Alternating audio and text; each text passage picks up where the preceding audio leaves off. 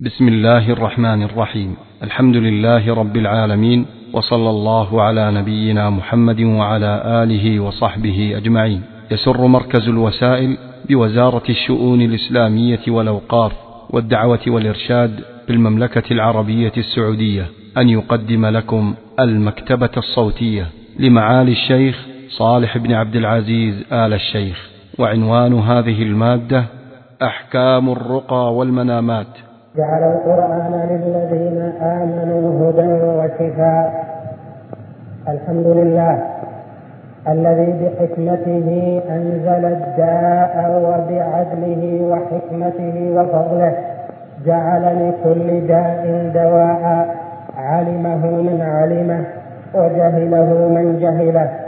وأشهد أن لا إله إلا الله وحده لا شريك له.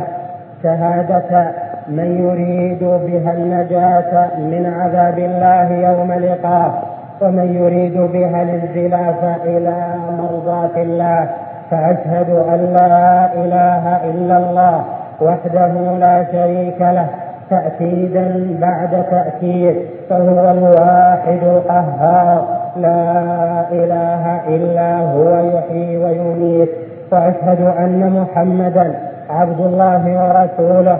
وصفيه وخليله نشهد أنه بلغ الرسالة وأدى الأمانة ونصح الأمة وكشف علينا من الدين الغمة وجاهد في الله حق الجهاد صلى الله عليه وعلى آله وعلى صحبه وسلم تسليما كثيرا إلى يوم الدين. أما بعد فيا أيها المؤمنون اتقوا الله حق التقوى. عظموا الله عظموا أمر الله عظموا نهي الله. لتكن الدنيا في قلوبكم حقيرة ولتكن الآخرة في قلوبكم عظيمة. فإن حقارة الدنيا وعظم الآخرة في قلب العبد المؤمن سبب السعادة في الدنيا والآخرة.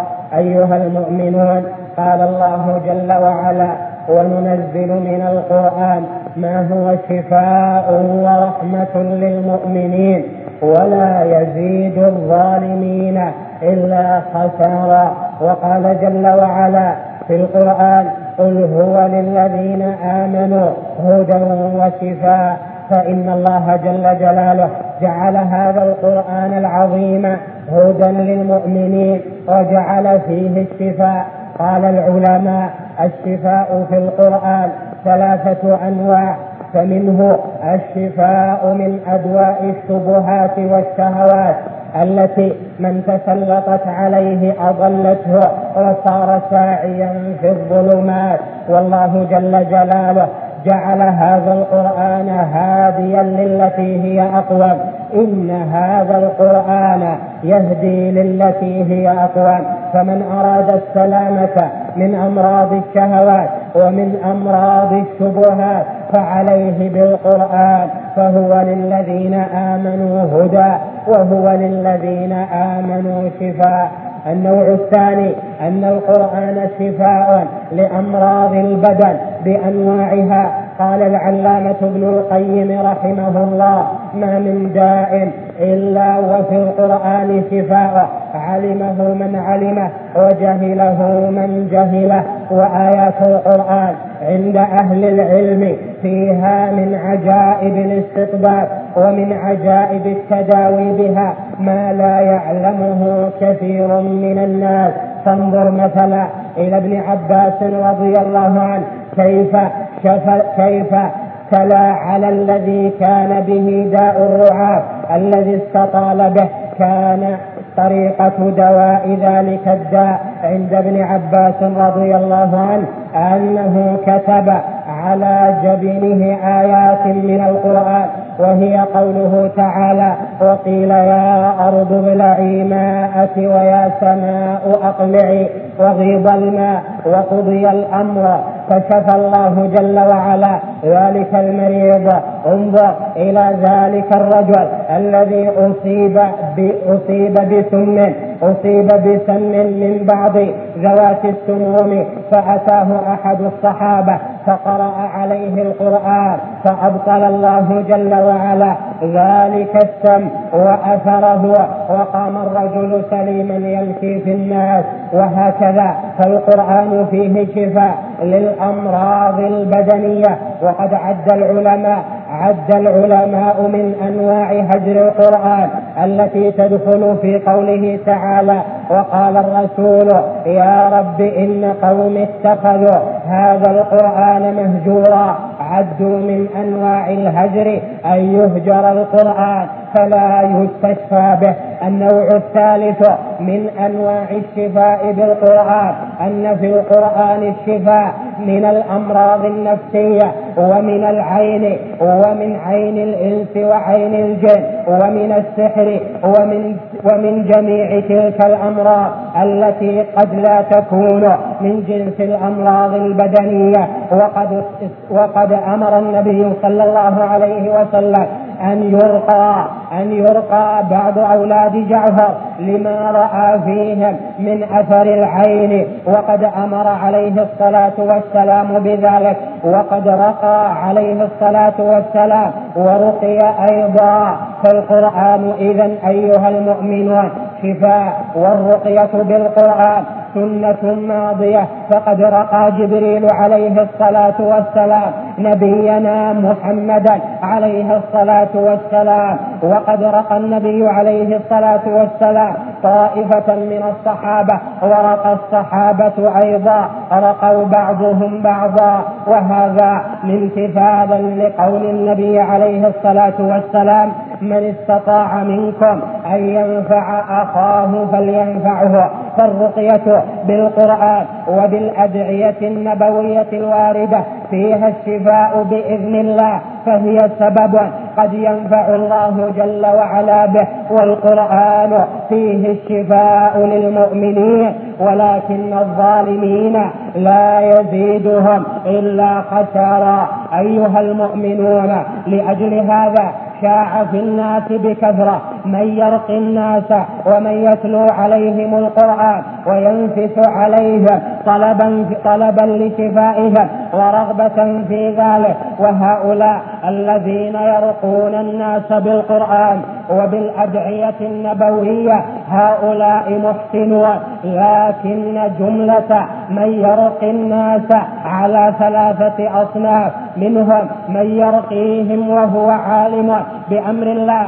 عالم بشرعه عالم بمزالق الرقية وما تؤول إليه من الخير أو ما قد تؤول إليه من الشر. والصنف الثاني صنف جاهل لا يعلم أحكام الرقية ولا ما يرقي به الناس ولا ما تؤول إليه الرقية. إذا رقى فتجده يخوض غمرة ذلك بجهله وإعراض عن اتباع طريقة العلماء في ذلك. والصنف الثالث من هو مشعوذ يتبع أساليب المشعوذين في القراءة يظهر أن قراءته بالقرآن وبالأدعية وهو في الحقيقة يستخدم طرقا غير مشروعة منها أن يستخدم الجن في رقيته في إعلامه بحال هذا المريض.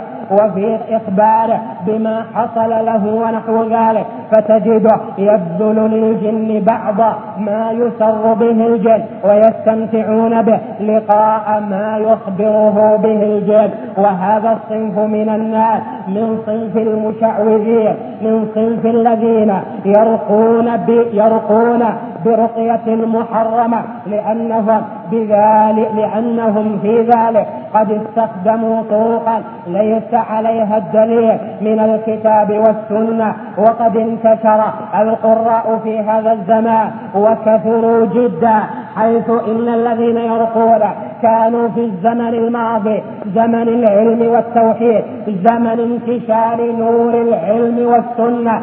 كان القراء قليلين ولا يرقي إلا الواحد بعد الواحد.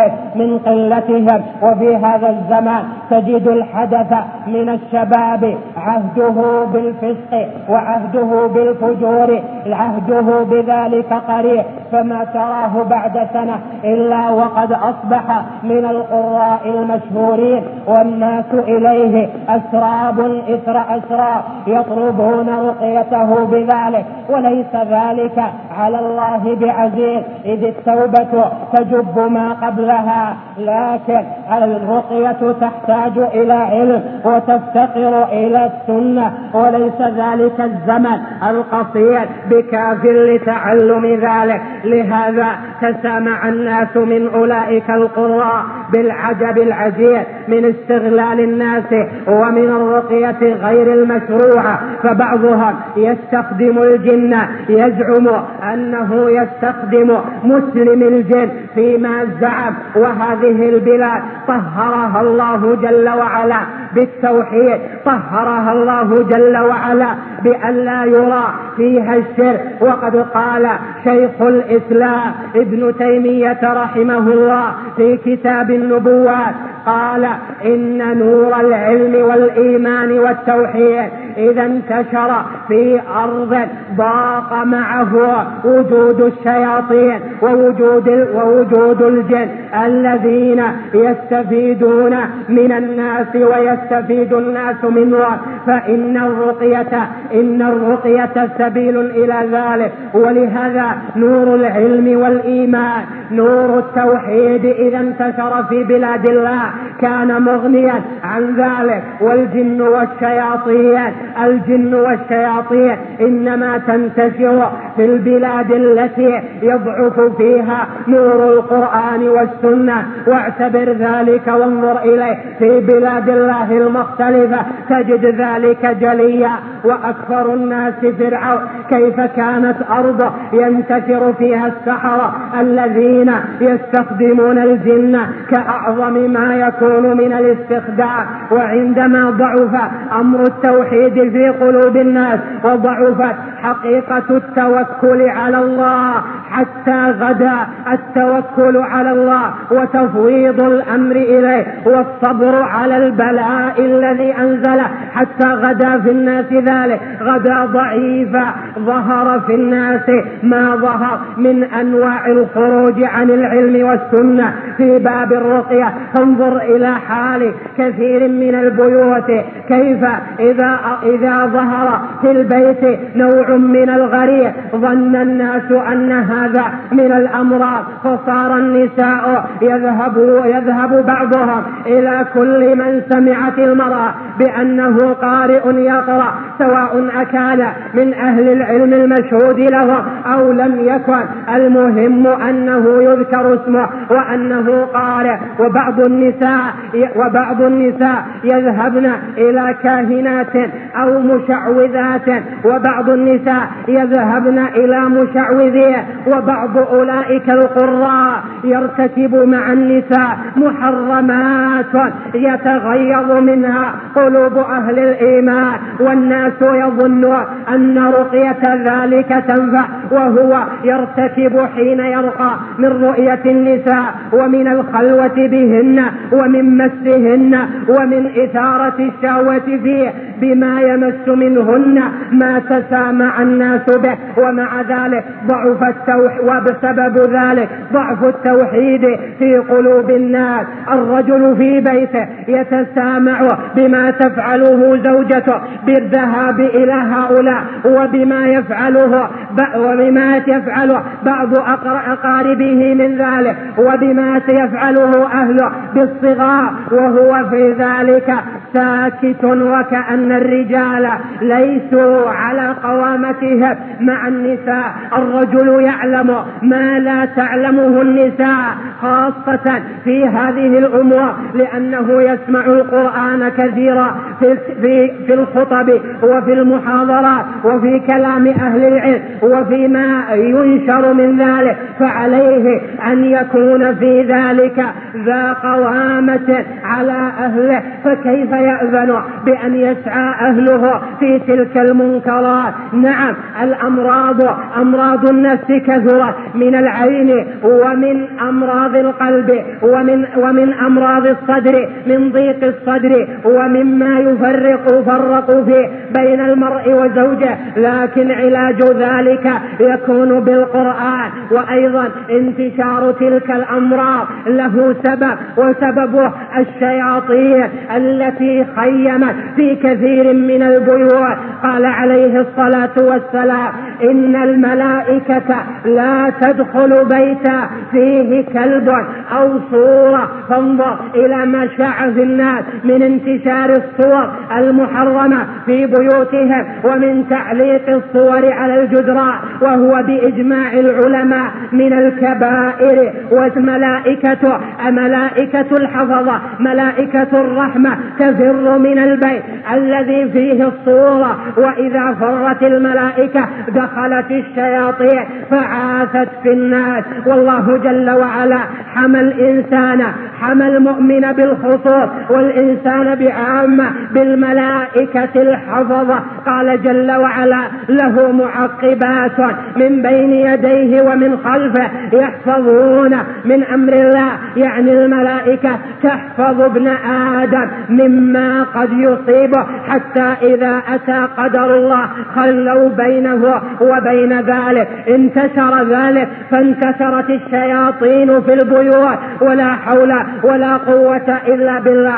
قلت أو ضعفت أو انعدمت تلاوة القرآن في البيوت. والشيطان يفر من البيت الذي تقرأ فيه سورة البقرة لأنه لا مكان له لا مكان له في مكان تقرأ فيه سورة البقرة. فكم تقرأ سورة البقرة فينا؟ من بيت الشيطان يفر من الذي من المؤمن الذي يديم يديم الاستعاذة بالله يديم الأوراد يديم الذكر. لأن القلب إذا خلا إذا خلا من ذكر الله تسلط وكان بيتا للشيطان. وأما إذا عمر بذكر الله فرت الشياطين فإن الشيطان وسواس ولكنه خناس. قال المفسرون إذا ذكر الله خنس وإذا غفل العبد أقبل فكم منا من من يتلو الأوراق ويستعيذ بالله من شر الشياطين عند إقبال الصباح وإقبال المساء وهي فترات انتشار الشياطين. إن الرقى إن الرقى مشروعة وأكمل الرقية. أن يرقي العبد نفسه متوكلا على الله عالما أنها سبب وأن الله جل وعلا هو الذي أمر بهذا السبب وأن القرآن شفاء. إذا أذن الله بذلك فليكن كل منا متوكلا على الله راقيا نفسه راقيا أهل بيته. ولا يجوز أن يتساهل الناس في هذا الأمر بأن يأذنوا لمن يرعونه بأن يذهبوا لكل من هب ودب ممن يرقون لأن كثيرين منهم بل لأن الأكثرين منهم لأنه بأنهم يرقون على خلاف السنة ويستخدمون ما جاءت السنة بإبطاله. قال شيخ الإسلام رحمه الله في كتابه النبوات أولياء الله أولياء الله مع الجن مثلها كمثل الأنبياء مع الجن يأمرونهم بطاعة الله وينهونهم عن معصية الله ويأمرونهم بالتوحيد وينهونهم عن الشرك ويأمرونهم بطاعة الرسول وينهونهم عن مخالفة ذلك. وأما ما عدا ذلك فليس من صنيع أولياء الله. هذا معنى كلامه فتنبه لهذا والانتفاع بالرقية أكثر ما يكون من من جراء أن يرقي أولياء الله الذين آمنوا وكانوا يتقون. وليحذر الناس في هذه البلاد أن ينتشر الأمر ذا من من الذين يرقون على خلاف السنة ومن الذين يستخدمون الجن ومن الكهنة والمشعوذين والعرافين الذين يخبرون ببعض الأمر الغيبي الذي فات. وكذلك من السحرة وأمثالهم ممن أتوا إلى هذه البلاد أو من أهل هذه البلاد الذين تعلموا على يد أولئك. فحمى الله جل وعلا هذه البلاد من شر أولئك زمنا طويلا. والليلة نراها قد انتشر فيها قد انتشرت فيها تلك الموبقات. وأولئك الذين مرقوا من الدين. نسأل الله جل وعلا لنا السلامة وأن يحمي هذه البلاد بالتوحيد وأن يحمي أهلها من مزالق الشرك ووسائله وطريق المخرفين والمشعوذين وأن يمن على الرجال بالقوامة بالقوامة الحقة التي من الله عليهم بها شرعا. إنه ولي ذلك وهو المسؤول وعليه التكلان واسمعوا قول الله جل وعلا أعوذ بالله من الشيطان الرجيم. إن هذا القرآن يهدي للتي هي أقوم ويبشر المؤمنين الذين يعملون الصالحات أن لهم أجرا كبيرا. بارك الله لي ولكم في القرآن العظيم ونفعني وإياكم بما فيه من الآيات والذكر الحكيم. أقول قولي هذا وأستغفر الله لي ولكم ولسائر المؤمنين من كل ذنب فاستغفروه حقا وتوبوا إليه صدقا. إنه هو الغفور الرحيم.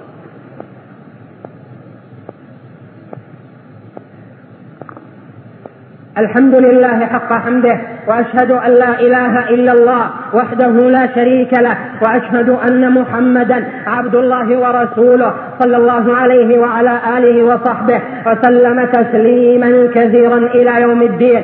أما بعد فإن أحسن الحديث كتاب الله وخير الهدي هدي محمد بن عبد الله وشر الأمور محدثاتها وكل محدثة بدعة وكل بدعة ضلالة وعليكم بالجماعة فإن يد الله مع الجماعة وعليكم بلزوم التقوى. في سركم وعلنكم فإن بالتقوى رفعة مقامكم عند ربكم. فاتقوا الله حق تقاته ولا تموتن إلا وأنتم مسلمون. أيها المؤمن اسمع لقول نبيه عليه الصلاة والسلام من رأى منكم منكرا فليغيره بيده فإن لم يستطع فبلسانه فإن لم يستطع فبقلبه وذلك أضعف الإيمان. وقد قال عليه الصلاة والسلام أيضا ثم إنه تخلف من بعدهم خلوه يقولون ما لا يفعلون ويفعلون ما لا يؤمرون. فمن جاهدهم بيده فهو مؤمن ومن جاهدهم بلسانه فهو مؤمن ومن جاهدهم بقلبه فهو مؤمن. وليس وراء ذلك من الإيمان حبة خردل إن انتشار الذين يقرؤون على خلاف السنة. إن انتشار المشعوذين إن انتشار الكهنة والعرافين والسحرة منكر عظيم في بلاد المسلمين. فمن رأى شيئا من ذلك أو علمه وتيقن منه فإنه يجب عليه أن يبلغ أهل المسؤولية بذلك. ولا ينفك من العهدة وليحذر أن يعاقب من جراء سكوته على تلك المنكرات التي هي وسيلة إلى أن يظهر الشيء في بلاد التوحيد في البلاد التي طهرها من مخالفة ومناقضة الشهادتين شهادة أن لا إله إلا الله وأن محمدا رسول الله. فعلينا أيها المؤمنون القيام في ذلك الأمر بأن إذا سمعنا وتحققنا من خالف السنة في ذلك أو كان مشعوذا أو كاهنا ساحرا لنبلغ عنه وذلك على سبيل الوجوب على أقل الأحوال. إلا إن كان المؤمن لا يستطيع فالإنكار بقلبه الإنكار بقلبه ينجي. ولكن في أحوالنا هذه ليس عذرا في عدم التبليغ لأن الحق أظهر من الباطل ولأن الصولة في هذه البلاد ولله الحمد للحق. وأما الباطل فهو ذليل حقير وزاهق بإذن الله. فقوموا أيها المؤمنون بهذا الواجب وليحذر من لم يقم به العقوبة في نفسه أو في من يحب لأن أولئك يضرون المسلمين بما ينشرونه فاتقوا الله اتقوا الله وخافوا يوم لقاء. وقوموا في هذا الأمر. أتم قيام. لعلنا نكون من الممتثلين الناجين حقا. هذا واعلموا رحمني الله وإياكم أن الله جل جلاله أثنى على الذين يتبعون أمره وأمر أيضا بالصلاة على نبيه فقال جل وعلا إن الله وملائكته يصلون على النبي. يا أيها الذين آمنوا صلوا عليه وسلموا تسليما. اللهم صل وسلم وبارك على عبدك ورسولك محمد صاحب الوجه الأنور والجبين الأزرق وارض اللهم عن الأربعة الخلفاء الأئمة الحنفاء الذين قضوا بالحق وبه كانوا يعدلون. وعنا معهم بعفوك ورحمتك. يا أرحم الراحمين. اللهم أعز الإسلام والمسلمين وأذل الشرك والمشركين واحم حوزة الدين وانصر عبادك الموحدين. اللهم إنا نسألك أن تعلي راية الإسلام وراية أهله وأن تذل الكفر وأن تذل أهله. يا قوي يا عزيز اللهم انصر المجاهدين الذين يجاهدون لتحقيق كلمة التوحيد في كل مكان. اللهم انصرهم وأيدهم بتأييدك وقوهم بقوتك فإنك أنت القوي العزيز. اللهم آمنا في أوطاننا وأصلح أئمتنا وولاة أمورنا ودلهم على الرشاد وباعد بينهم وبين سبل أهل البغي والفساد. يا أكرم الأكرمين اللهم إنا نسألك أن ترفع عنا الربا والزنا وأسبابه وأن تدفع عنا الزلازل والمحن وسوء الفتن ما ظهر منها وما بطن عن بلادنا هذه بخاصة وعن سائر بلاد المسلمين بعامة. يا أكرم الأكرمين اللهم إنا نسألك أن توفقنا لتوبة نصوح قبل الممات. اللهم لا تمتنا إلا وقد وفقتنا للتوبة. اللهم لا تمتنا إلا وقد وفقتنا للتوبة. نلقاك بها وأنت راض عنا وأنت أرحم الراحمين. اللهم نسألك صلاحا في أنفسنا وفي أهلنا وفي أولادنا وفي علمائنا وفي ولاتنا وأنت أرحم الراحمين وأجود الأجوبين عباد الرحمن عباد الرحمن إن الله يأمر بالعدل والإحسان وإيتاء ذي القربى وينهى عن الفحشاء والمنكر والبغي يعظكم لعلكم تذكرون. فاذكروا الله العظيم الجليل يذكركم واشكروه على النعم اشكروه على النعم بأعمالكم وبألسنتكم يزدكم ولذكر الله أكبر. والله يعلم ما تصنعون.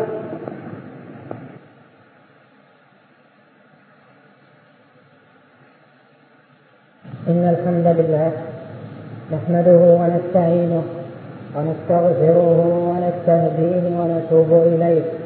ونعوذ بالله من شرور أنفسنا ومن سيئات أعمالنا. من يهده الله فلا مضل له ومن يضلل فلا هادي له. وأشهد أن لا إله إلا الله وحده لا شريك له وأشهد أن محمدا عبد الله ورسوله وصفيه وخليله. نشهد أنه بلغ الرسالة وأدى الأمانة ونصح الأمة وجاهد في الله حق الجهاد. فجزاه الله جل وعلا عنا خير ما جزى به نبيا عن, عن أمته. ونسأله اللهم أن يحشرنا تحت لوائه المحمود وأن يوردنا حوضه المورود. أما بعد فيا أيها المؤمنون اتقوا الله حق التقوى.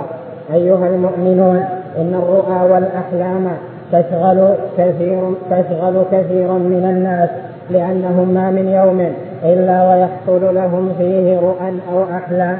والشرع المطهر جاءنا بتفصيل أحكام الرؤى. وتفصيل أحكام الأحلام وما يتصل بهذه وتلك بل إن أصولها قد جاءت في القرآن العظيم. ألم ترى سورة يوسف عليه السلام حيث إنه جل وعلا أخبرنا أن يوسف عليه السلام رأى رؤيا ثم تحققت تلك الرؤيا بعد كثير من السنين. إني رأيت أحد عشر كوكبا. والشمس والقمر رأيتهم لي ساجدين قال جل وعلا في آخر السورة ورفع أبويه على العرش وخروا له سجدا. وقال يا أبت هذا تأويل رؤياي من قبل. قد جعلها ربي حقا. نعم إن إخوته كانوا هم الكواكب وكان أبوه وكانت أمه هما الشمس والقمر. كذلك في تلك السورة أخبر الله جل وعلا عن الملك الكافر حيث إنه رأى رؤيا فجاءت رؤياه حقا. قال جل وعلا عن الملك وقال الملك إني أرى سبع بقرات سمان يأكلهن سبع عجاف وسبع سنبلات خضر وأخر يابسات. يا أيها الملأ أفتوني في رؤياي إن كنتم للرؤيا تعبرون. قالوا أضغاث أحلام. وما نحن بتأويل الأحلام بعالمين. ونبينا عليه الصلاة والسلام. أول ما بدأ به الوحي الرؤيا الصادقة فكان لا يرى رؤيا إلا جاءت مثل فلق الصبح يعني يراها كما هي عيانا في الواقع كما رآها مناما. ولهذا قال عليه الصلاة والسلام الرؤيا الرؤيا الصادقة جزء من ستة وأربعين جزءا من النبوة. قال كثير من العلماء لعل معنى هذا أن النبي صلى الله عليه وسلم كان أول ما بدأ به الوحي أنه يرى الرؤيا فتجيء مثل فلق الصبح فاستمر ذلك معه فاستمر ذلك معه قبل نزول جبريل عليه السلام عليه ستة أشهر ثم ثم إنه عليه الصلاة والسلام استمرت نبوته ورسالته ثلاث وعشرين سنة فكانت الرؤيا. نصيبها جزءا من ستة وأربعين جزءا من النبوة. والرؤى لها مقام عظيم. من أول البشرية كان الناس يعتنون بها لأن أمرها غريب ولأن شأنها عجيب. ولهذا قل أن يكون الزمن إلا وفيه معبرون يعتنون بتعبير الرؤيا ويهتمون بذلك لأنها تشغل الناس. والله جل وعلا بين أصول الرؤى. بين أصول الرؤى وأنها تنقسم إلى رؤية من المسلم المؤمن الكامل وتلك تكون رؤيا حق وكذلك قد تكون رؤيا الحق من الكافر الذي يشرك بالله جل وعلا.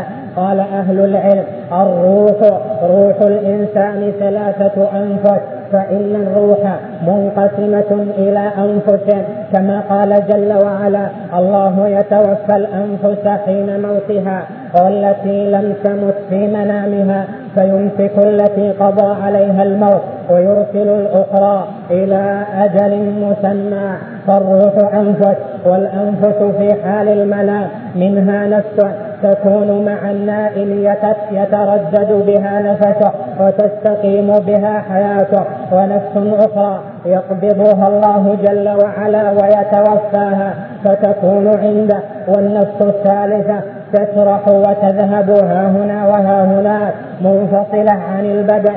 وكل هذه الأنفس قريبة من البدن تعود إليه في أقرب من لمح البصر.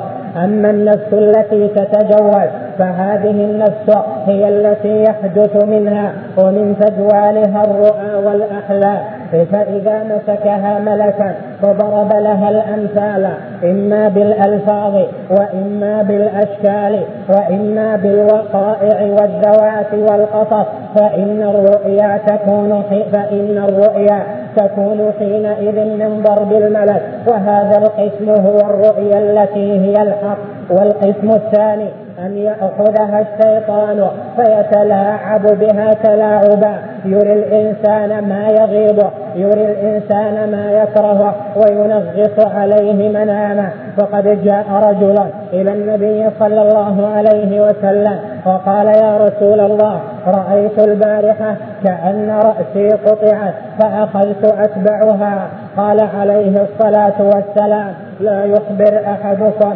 بتلاعب الشيطان به في منامه. كذلك قد تكون تلك النفس تتجول ويؤثر عليها تعلقها بالبدن. فإذا شبع الإنسان مثلا أثر على تلك أثر الشبع على تلك النفس. فإذا كان في نفسه من الخواطر ما فيه أثر ذلك على نفسه. فرأى ما شغل باله أو رأى ما أثر عليه من بدنه. لهذا ثبت في الصحيح صحيح مسلم أن النبي صلى الله عليه وسلم قال الرؤيا ثلاثة أقسام فمنها ما هو حق يضربه الملك ومنها ما هو تلاعب يتلاعبه الشيطان بأحدكم ومنها ما هو حديث نفس. وهذه هي أقسام الرؤيا فمنها ما يكون حقا يضربه المثل لك أيها المؤمن بل يضربه الملك يضربه الملك للمؤمن والكافر فيكون بتلك الأمثال يكون بتلك الأمثال إشارات يعقلها العلماء كما قال جل وعلا وتلك الأمثال نضربها للناس وما يعقلها إلا العالمون. ومنها ما يكون من تلاعب الشيطان. يري الشيطان الإنسان يعني يري نفسه التي أخذها في المنام وذهب بها إلى ها هنا وها هنا. يريه أشياء مفزعة يريه أشياء تحزنه فيكون الإنسان في منامه محزونا وذلك من فعل الشيطان به. وربما لم يحزن في منامه لكن يحزن إذا استيقظ. وهذا كله من الشيطان لأن التلاعب لأن تلاعب الشيطان. له دلالات يستدل بها المعبرون على أن ذلك ليس من الحق وإنما هو من تلاعب الشيطان. والنبي عليه الصلاة والسلام كان إذا صلى الفجر كان إذا صلى الفجر غالبا من كل يوم.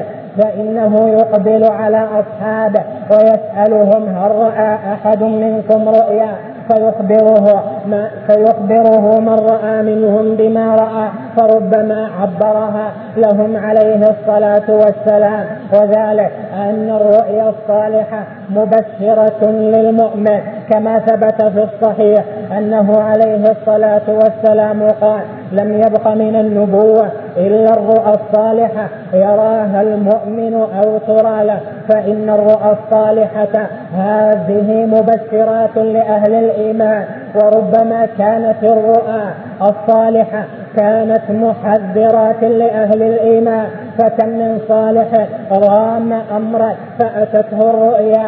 تحذره من غشيان ذلك الأمر.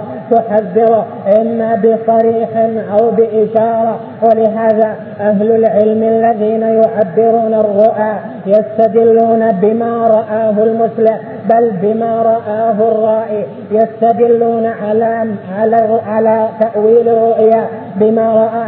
تارة يستدلون باللفظ وتارة يستدلون بالأشباه وتارة يستدلون بالأبدان وما بينها من التناسق وتارة يستدلون في تفسير الرؤيا بما يحكيه الرائي وكثير منها كثير منها يكون من العلم الذي علمه الله جل وعلا.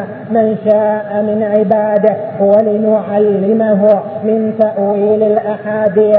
والناس اليوم خرجوا عما عما أرشدوا إليه شرعا في كثير من أمور الرؤى. فمنهم من إذا رأى رؤيا أسرع في أن يسأل عنها. كل من رأى سواء علم منه أنه يعلم التأويل أم لا يعلم وهذا من الأمر الذي لا يسوع ذلك لأن تفسير الرؤى علم من العلوم والكذب فيه كذب. على الملأ لأن الله جل وعلا جعل الملائكة تضرب الأمثال فإذا فسر المفسر رؤيا وهي ليست برؤيا بل بحدس وتخمين منه فكأنه قال للذي رأى هذه هذا الذي رأي رؤيا يعني أن الملك ضرب له المثل بذلك وقد يكون ذلك من تسويل الشيطان وقد يكون ذلك من حديث النفس والمتعجلون في هذا الأمر كثير لذلك على المؤمن ألا يسأل عن كل ما رأى وعليه إن سأل أن يتحرى الذين يعلمون الرؤى. عرفوا بذلك وليس كل من عرف بتأويل الرؤيا وأصاب في كثير منها. يلزم منه أن يصيب دائما. فقد قال عليه الصلاة والسلام لأبي بكر لما سأل عن عن تعبير رؤيا فعبرها. قال عليه الصلاة والسلام لأبي بكر أصبت بعضا وأخطأت بعضا وأبو بكر رضي الله عنه كان من المعروفين بتأويل الرؤى فلا يلزم من من من تعبير المعبر للرؤيا. إذا كان عنده علم بذلك لا يلزم منه أن يصيب دائما. لكن الناس يتعجلون في هذا الأمر والذي ينبغي على المؤمن ألا يحدث برؤيا لأن الرؤيا كما ذكرنا أعني ما يراه النائم في منامه على ثلاثة أقسام فمنها رؤيا حق وهذه على قسمين إما أن تكون مفرحة فإذا كانت مفرحة فاحمد الله عليها احمد الله عليها وإن شئت أن تسأل فسل ولا يلزم ولا يلزم من تلك الرؤيا أن تسأل عنها فإن عاقبتها إلى خير. وقد قال عليه الصلاة والسلام الرؤيا على رجل طائر إذا عبرت وقعت. والقسم الثاني أن تكون الرؤيا الحق. فيها ما يحزن المرء إما بدلالة في الرؤيا وإما بما يعبره المعبر وهذا إذا سأل عنه ربما أحزنه. والذي ينبغي إذا رأى المرء ما. إذا رأى المرء ما يحزنه أن يستعيذ بالله من شرها وأن يسهل أن يسهل عن يساره ثم يتحول إلى الجنب الآخر. قال عليه الصلاة والسلام مرشدا من فعل ذلك فإنها لا تضر. كذلك القسم الثاني ألا وهو حديث النفس فإن النفس لها أحاديث فهذا راء رأى في منامه أنه يشرب الماء الكثير جدا. يشرب البحر أو يشرب النهر أو يشرب عينا غدقة كثيرة فأفزعه ذلك. وإذا مرد ذلك إما إلى شبعه من طعام لم يشرب عليه ماء وإما أن يكون مرد ذلك لعطشه الذات أو لتفسير من التفسيرات التي فكر بها. فليس كل ما يظنه الناس أنه رؤيا يكون في الحقيقة رؤيا بل كثير من الناس يرى ولا تكون رؤياه حقا بل تكون من أحاديث النفس أو تكون من تسويلات الشيطان والرؤى. الرؤى تعتبر يعتبرها أهل العلم باعتبارات مختلفة. لهذا مما ينهى عنه أن يتعلق الناس الرجال وبالأخص النساء بالكتب التي تفسر الأحلام فكثير من الناس يحصل عنده كتبا في تفسير الأحلام فإذا فإذا رأى رؤيا إذا رأى في منامه شيئا أسرع من صبيحته إلى ذلك الكتاب والرؤيا تعبيرها. له شروط وتحتاج إلى علم واسع فأحيانا لا يكون التفسير له تعلق بالرؤيا البتة وإنما يكون في الرؤيا كلمة تدل المعبر على تفسير الرؤيا كلمة واحدة ويكون معها قصص طويلة ليس لها شأن في الرؤيا وليس لتفسير الرؤيا بها تعلق وإنما التعلق بتلك الكلمة وما قبلها وما بعدها من الأحداث. ليس له نصير. كذلك من الناس. من يرى أشياء مفزعة. فيرى تفسيرها بالأمر القبيح فينظر في نفسه فإذا هو أصبح محزونا فصار كيد الشيطان عليه متحققا. إذ أحزن والذي ينبغي ألا يسعى في ذلك وإذا أراد فليسأل أهل العلم الذين يعبرون الرؤى. ولا يسأل أهل الجهالة ولا يسأل أهل التعجل فإن كثيرا من الرؤى لا يعلم تأويلها إلا بشيء من التأمل والنظر ومنها ما يظهر تأويله ومنها ما يخفى تأويله. والناس في هذا لهم مقامات مما شاع بين الناس وهو غلط أن الإنسان إذا رأى أن من أسنانه ما سقط أن ذلك يؤول بفقد أحد أحبته. بموت ابنه أو ابنته أو من يعز عليه وهذا ليس بالصحيح إذ إن الأسنان لها في الرؤى أحوال كثيرة والأسنان العلوية غير السفلية والمتقدمة غير المتأخرة والأضراس غير الأسنان وهكذا في تفاصيل كثيرة. المقصود أيها المؤمن أن الرؤى من العلم الذي حازه من حازه والأنبياء يعبرون الرؤى بتعليم الله جل وعلا له. فلا تكن متسرعا في ذلك بقصها ولا بأخذ الكلام فيها ولا بتعبير الرؤى إن سئلت لأن ذلك من العلم ولنعلمه من تأويل الأحاديث. فالتعجل في ذلك من الكذب إن لم يكن صاحبه على علم بذلك. هذا واعلموا أن المرأة إذا استعاذ بالله من شرها فإنها لا تضر فإن كيد الشيطان كان ضعيفا وليس من شرط الرؤيا أن تتحقق فقد يرى رؤيا حق ولا تتحقق. إذا سأل الله جل وعلا ألا تكون إذا كانت مما يحزنه أو مما يرى أن فيه شرا أيها المؤمنون إن العلم واسع والناس توسعوا وخاضوا غمرة جهل كثير في أمورهم التي لها تعلق بدينهم ولها تعلق بكتاب ربهم وسنة نبيهم عليه الصلاة والسلام. فعليكم بالعلم في أموركم كلها. عليكم بالعلم واليقظة. وأن تسألوا إذا جهلتم فإنما شفاء العي السؤال. كما روي ذلك عن النبي صلى الله عليه وسلم. نسأل الله أن يبصرنا وإياكم بالحق وأن يلزمنا إياه وأن يعلمنا من لدنه علما وأن يجعلنا ممن استعملهم في طاعته وأن يجنبنا القول بالكذب والقول عليه بلا إنه ولي ذلك وهو نعم المولى ونعم النصير. أعوذ بالله من الشيطان الرجيم بسم الله الرحمن الرحيم.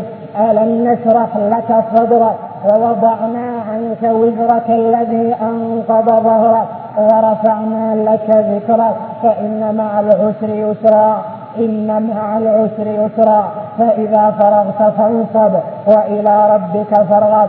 بارك الله لي ولكم في القرآن العظيم ونفعني وإياكم بما فيه من الآيات والذكر الحكيم. أقول قولي هذا وأستغفر الله العظيم الجليل لي ولكم ولسائر المؤمنين من كل ذنب فاستغفروه وتوبوا إليه إنه هو الغفور الرحيم.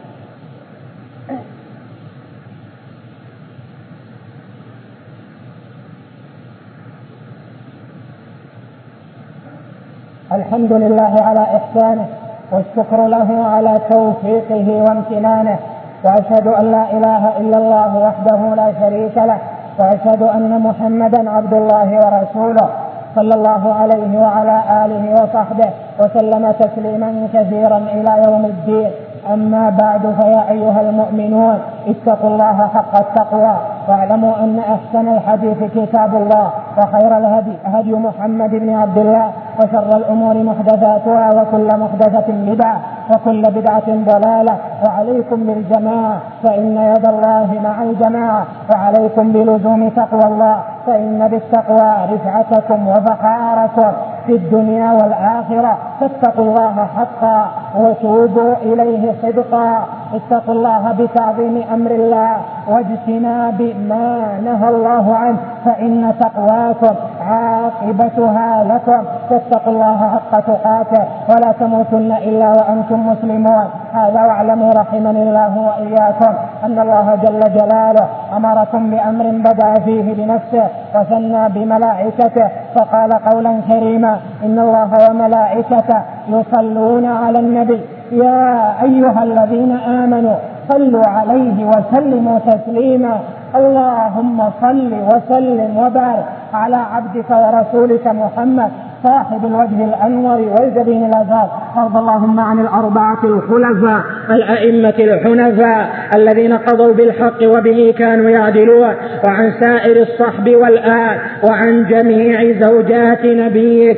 يا أرحم الراحمين. اللهم ارض عنهم أجمعين وعن التابعين لهم بإحسان إلى يوم الدين وعنا معهم بعفوك ورحمتك يا أرحم الراحمين. اللهم آمنا في أوطاننا وأصلح أئمتنا وولاة أمورنا ودلهم على الرشاد وباعد بينهم وبين أهل الزيغ والفساد. يا أكرم الأكرمين اللهم وهيئ لهم المستشار الصالح الذي يدلهم على الخير. ويذكرهم به ويضيق عليهم سبل المنكرات والشرور. يا أرحم الراحمين اللهم إنا نسألك أن تعز الإسلام وأهله وأن تذل الكفر وأهله. اللهم انصر المجاهدين من المؤمنين المجاهدين من المؤمنين في كل مكان. اللهم انصر المجاهدين في فلسطين اللهم انصر انصر المجاهدين في البوسنة وانصر المجاهدين في كل مكان. اللهم وعليك بكفرة أهل الكتاب الذين يصدون عن دينك ويقاتلون أولياءك ويطفئون ويسعون في إطفاء نوره وأنت المتم لنوره ولو كره المشركون. اللهم إنا نسألك أن ترينا فيهم عجائب قدرتك وأن تنصرنا عليهم نصرا مؤزرا. اللهم عليك بالمشركين والملحدين وباليهود والنصارى المعادين للإسلام وأهله. يا أرحم الراحمين. اللهم أنت القوي فقونا وأنت المعز فأعزنا. اللهم نصرك الذي وعد اللهم نصرك الذي وعد اللهم نصرك الذي وعد اللهم ارحم المستضعفين من المؤمنين في كل مكان. اللهم ارحم النساء والأطفال. اللهم ارحم النساء والأطفال. اللهم ارحم النساء والأطفال. وأنزل عليهم سكينة. وانصر الرجال المؤمنين. يا أكرم الأكرمين. اللهم نسأله بأسمائك الحسنى وصفاتك العلى وباسمك الأعظم. الذي إذا دعيت به أجبت وإذا سئلت به أعطيت. نسألك أن تجعل الإسلام عزيزا عن قريب. اللهم اجعل الإسلام وأهله أعزاء على الجميع عن قريب. يا أكرم الأكرمين اللهم انصر المؤمنين اللهم انصرهم اللهم لا تكن عليهم يا أرحم الراحمين اللهم إنهم مذنبون. وفي عفوك سعة وأنت العفو الغفور. نتوسل إليك أن تنصره بأسمائك الحسنى وبصفاتك العلى. اللهم ونسأل أن تؤمننا في جميع ديارنا. اللهم نعوذ بك من الفتن ما ظهر منها وما بطن. اللهم من أراد بنا فتنة اللهم من أراد بنا فتنة فأشغله بنفسه. اللهم من أراد بنا فتنة فأشغله بنفسه. واجعل هذه البلاد آمنة مطمئنة سائرة على الإيمان والتوحيد محكمة لشرعه على ما تحب وترضى. يا أرحم الراحمين. عباد الرحمن إن الله يأمر بالعدل والإحسان وإيتاء ذي القربى وينهى عن الفحشاء والمنكر والبغي يعظكم لعلكم تذكرون فاذكروا الله العظيم الجليل يذكركم واشكروه على النعم يزدكم ولذكر الله أكبر والله يعلم ما تصنعون مع تحيات مركز الوسائل بوزارة الشؤون الإسلامية والأوقاف والدعوة والإرشاد بالمملكة العربية السعودية